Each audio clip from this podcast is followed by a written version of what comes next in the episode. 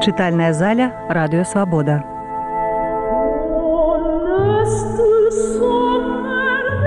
Васіль быкаў на чорных лядах фрагменты апавядання. Восем байцоў, рэшта аднаго са слуцкіх батальёнаў, абложаных чырвонаармейцамі недзе ў раёне морачы, самі асудзілі сябе на смерць. Яны вырашылі загінуць, не пакінуўшы па сабе нават імёнаў, каб не цягнуць на пагібель і сваіх родных. Адной рыдлёўкай па чарзе яны пачалі капаць агульную магілу. Яма ўсё яшчэ не была гатовая. Мусіць, сапраўды трэба было яе паглыбіць на аршын ці болей. Пасля нядоўгага перапынку, выклікага на аўстрыякавым стрэлам, Мяцельскі зноў налёг на рыдлёўку. Яму таксама трываць было трудна, не ставала сілы чакаць, карцела скончыць усё як найхутчэй. Мяцельскі ўжо ведаў, што жывым яму трапляць у бальшавіцкія лапы нельга. Аднойчы ён ужо быў у тых лапах. І хоць тады левыя эсеры былі ў хаўрусе з бальшавікамі, да яго прычапіліся быццам ён абразіў камісараў. А ён і праўда абураўся на мітынгу за тое, што бальшавікі разагналі ўсе беларускі кангрэс, на які выбіралі дэлегаты в усе і армія і сяляне і работнікі. Вылучалі абмяркоўвалі галасавалі мяцельскі быў такі рады што ад іхняй роты прайшоў ягоны сябра прапаршчык каўшовіч за якога мяцельскі месяц драў горла на мітынгах. Ледзьве не ўсім палком яны праводзілі прапаршчыка на станцыю маладэчні паціскалі руку давалі наказы. Пасля сталі чакаць. Але неўзабаве замест дэлегата прапаршчыка прыйшла вестка што кангрэс разагнаны бальшавікамі а каўшовіч толькі праз тыдзень ледзьве дабраўся з менска без шашкі дакументаў і без мандата усё адабралі бальшавікі. Такога старшы унтэр-афіцэр мяцельскі стрываць не мог і з двума сябрукамі далучыўся да партыі эсэраў. Зноў разам з каўшовічам яны ледзьве не штодня выступалі на салдацкіх мітынгах. Прапаршчык дык стараўся гаварыць складна па-інтэлігенцку а мяцельскі звыклым салдацкім мацюгом мяцеліў і сваіх палкавых бальшавікоў і іхняга начальніка мяснікова, якога называў не іначай як крывавы мяснік. Зімой яго ўзяла чазвычайка.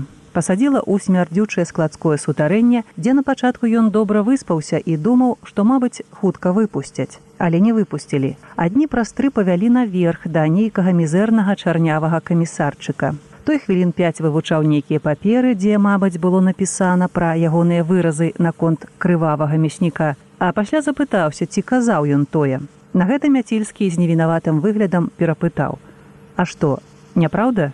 Ён бы мог лёгка даказаць праўдзівасць уласных слоў але замест таго каб слухаць арыштанта камісарчык ускочыў за стола і замахнуўся ботам цаляючы яму паміж ног. Мяцельскі лёгка перахапіў той бот трошки тузануў і камісарчык бразнуўся патыліцай на падлогу. Ён толькі усміхнуўся з слабасільнага небаракі ды рана відаць усміхнуўся. У пакой уварвалася іх цэлая зграя. Яны мяцелілі яго ў куце пасля на падлозе, у яго не засталося жывога месца на целе, і ён тры дні не паднімаўся з гнілой саломы ў сваім сутарэнні. А як паднялі на чарговы допыт, у тым пакоі ўжо сядзеў іншы. Мажны, таўставаты чалавек у вайсковай гімнасцёрцы. Ён усмешыста быццам нават спачувальна сустрэў арыштанта, папытаўся прозвішча і макнуўшы ў чарнільніцу ручку выразным почеркам вывеў на паперыне расстраляць чамусьці яго не расстралялі адразу. Некалькі дзён ён прапакутваў сутарэнне а затым у менску ўвайшлі немцы. Варта стаяць развычайкі паўцякала дзверы расчыніліся і мяцельскі трымаючыся за сцены выйшаў на вуліцу. Не сказаў ён сабе з гэтымі людзьмі не жыць. Не дадуць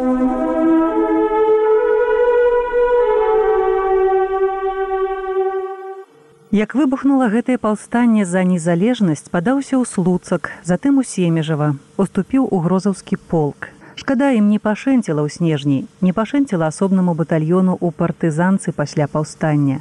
Сілы былі не тыя. І бальшавікі іх разграмілі адзін раз, затым другі і трэці. Увесну вайсковае шчасце канчаткова здрадзіла паўстанцам, пазбавіла іх магчымасці жыць.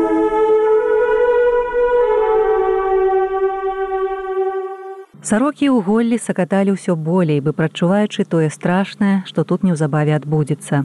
Людзям жа было не да іх. Людзі апекваліся ўласным клопатам. Можа, самы спакойны ціхманы і з выгляду нават абыякавы да ўсяго у гэтай грамадцы быў казак, шараговы стралец, патомны парабак слуцкіх фальваркаў. Галоўным правілам у яго жыцці было як усе.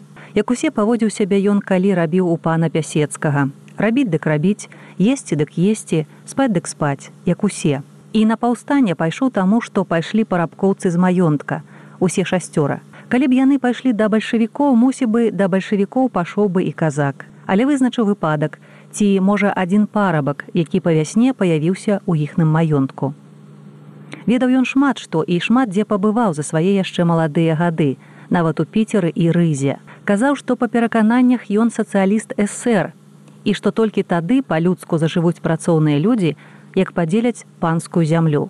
Але перш чым падзяліць, зямлю трэба было адваяваць у паноў, палякаў да расейцаў. Беларусь павінна стаць незалежнай, як Польшча ці Германія, мець свой урад і свой парламент. Спярша гэта здалося дзіўнавата, беларускі парламент. Але пасля, як у Менску сабралі кангрэс, хлопцы і праўда паверылі сэру, бо нешта там адбывалася падобнае на яго прадказанні. Як загарэлася гэтая калатнеча ў слуцку, ён і сагітаваў іх ехаць туды. Казак доўга не вагаўся, прыкінуў. Ваяваць за Беларусь мо не будзе трудней, чым штодня і шачыць у панскім маёнтку.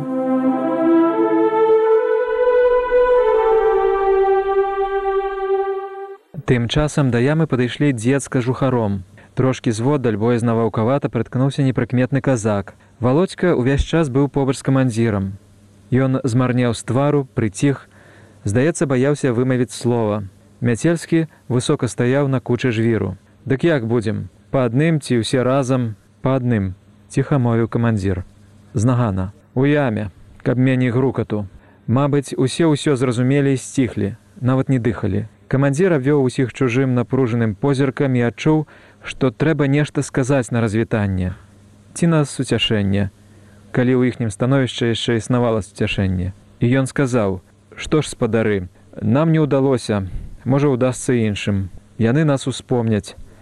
Усё ж мы не за сябе, не за сваё, якога ў нас не было. Мы за Беларусь, нашу няшчасную старонку.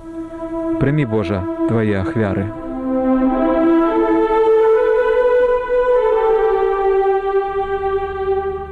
Яны ўсе стаялі і маўчалі, яны чакалі. І камандзір, зглытнуўшы даўкі камяк у набалелым горле, раптам сказаў са знарочыстай строгасцю: хто першы. Выдалася кароткая пакутная паўза, пасля якой мяцельскі кінуў са злосным адчаем. Ат, мать тваю, давай я, зноў абрушваючы жвір, рашуча скочыў яму. Дайце рэвольвер. Камандзір расшпіліў на баку кабур, выняў наган. Мяцельскі ўхапіў яго знізу, рухава выцягся побач за стыглым ужо аўстрыякам. Жыве Беларусь. Жыве. Нечакана слабым голасам азваўся камандзір, і глухі рэвальверны стрэл у яме перапыніў яго водгук. Дзве сарокі з бліжняй бярозы спуджана пераляцелі на дрэвы далей. А на зямлі зноў настала пакутная паўза. Усе стаялі моўчкі, баючыся зазірнуць у яму. Ну хто далей, ты зубко, няпэўна павярнуўся камандзіру бок дзеда. Той сігануў цераз жвір і спыніўся, а ружжо з ружом братка, мякка сказаў камандзір. Тады дзед неяк грузна зваліўся ў яму і яны зноў знерухомілі, чакаючы. Чакаць, аднак давялося нядоўга. Стрэл коротко грукнуў і сціх. Ну, зноў павярнуўся камандзір да астатніх. Засталося іх тут пяцёра. Ты запытальна кіўнуў ён да кажухара. Ды я, калі адважуся, калі што дык прыстралі камандзір, калі што і няспрытна ўсеўшы на бераг ямы, кажухар ціха споўз туды. Яны зноў прыціхлі. Чакаць давялося даўжэй, чым тыя разы, мусіць, кажухару не дужа ўпраўна было з адной рукой. Нарэшце такі ў яме лопнула тугім стрэлам. Камандзір падышоў, зазірнуў туды, пастаяў крыху, углядаючыся ўніз, ды зноў павярнуўся да астатніх.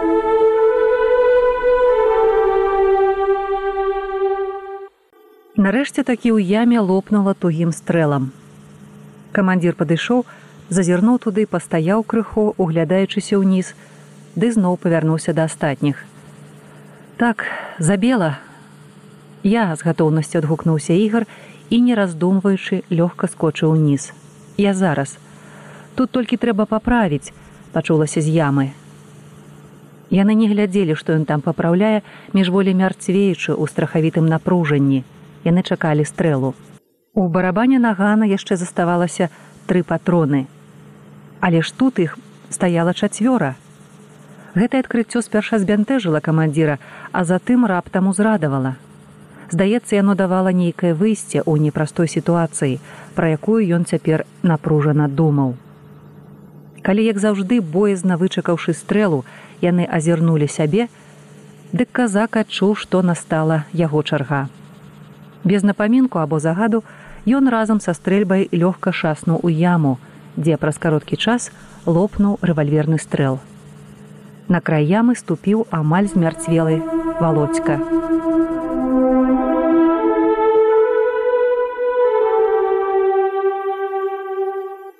Сулашчык гукнуў да яго камандзір пастой володька спыніўся ледзьве ўтрымаўшыся на беражку ямы Ён нават не зірнуў туды штосьці новае, адчуўшы ў голасе камандзіра.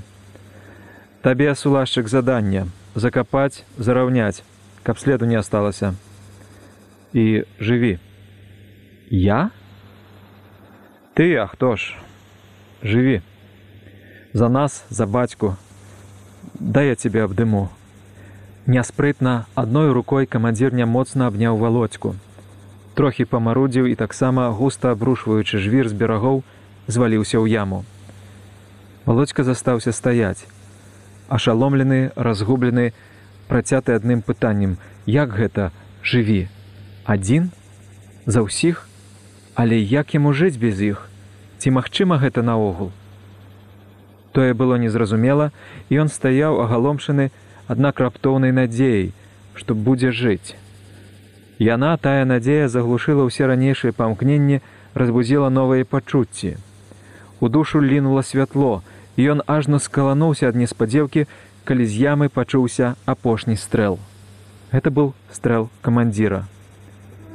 Володька заставаўся жыць.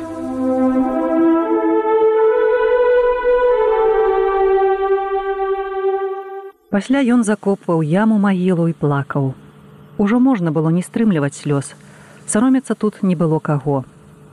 У яму ён не зірнуў ні разу. Ён гроб і гроб рыдлёўкую рыхлы жвір з берагоў і думаў, што здатная будзе магіла, сухая, калі б такая дасталася бацьку. Крыўдна было да слёз, але бацьку ён закапаў на прырэчнай балацявіне ў тарфяніку. Выкапаць глыбака там не было як, падступала балотная вада, ды да і часу надарылася, якая гадзіна. Такі вось лёс чалавека, якога володька любіў усё жыццё, жыць з якім усё жыццё марыў. Ды жыць не давялося. Здаецца, болей за ўсіх бацька любіў Беларусь. І за гэтую сваю любоў 9 год прагібеў на нарымскай катарзе, нажыў там сухоты. Ідучы на фармаванне палка, той ні за што не схацеў браць з сабой 15гадовага сына, казаў: рана, хай чакае яго з перамогай пад бел чырвона-белым штандарам. Володька і праўда застаўся дома ў іх слуцкім дамку. Ды аднойчы у марозлівы восеньскі адвячорак ён нечакана паявіўся ў грозаве. Адшукаў у штабной хаце бацьку і ў таго ўжо не хапіла рашучасці прагнаць яго з батальёна. Над мораччу за зімкам яны прыкрывалі з групай адыход батальёна, і бацька, перабягаючы, атрымаў тры кулі ў грудзі доўга марудна канаў на руках ушчарнелага ад гора сына. Лодзька ледзьве паспеў закапаць яго ў балацявіне, калі ўжо бальшавіцкія ланцугі шарылі ў прырэчным кустоўі. Шукалі параненых. Капаў володька нядоўга, з усее сілы гроб і гроб жвір, раўняў, раскідваў яго ў бакі, каб меней было прыкметна, што тут нехта поркаўся. Стаміўся страшэнна, але спакваля пачаў спакайнець. Перад тым усё баяўся не справіцца, не паспець скончыць сваю сумную справу. Усё азіраўся, боючыся, што між хвой паявяцца тыя. Але, здаецца, паспеў. Уся зброя, наганы вінтоўкі засталіся ў яме. У яго была толькі рыдлёўка, якую трэба было закінуць куды далей, каб не знайшлі. Мабыць, ужо над вячоркам, стае рыдлёўкай у руцэ, ён і пабрыў па лесе. За ім, пералетаючы з дрэва на дрэва, сакатала і сакатала бы гналася з грая сарок, і ён не ведаў, як ад іх адкараскацца. Ён ішоў і ішоў, сам не ведаючы куды, абы прэч з гэтых жудасных чорных лядаў.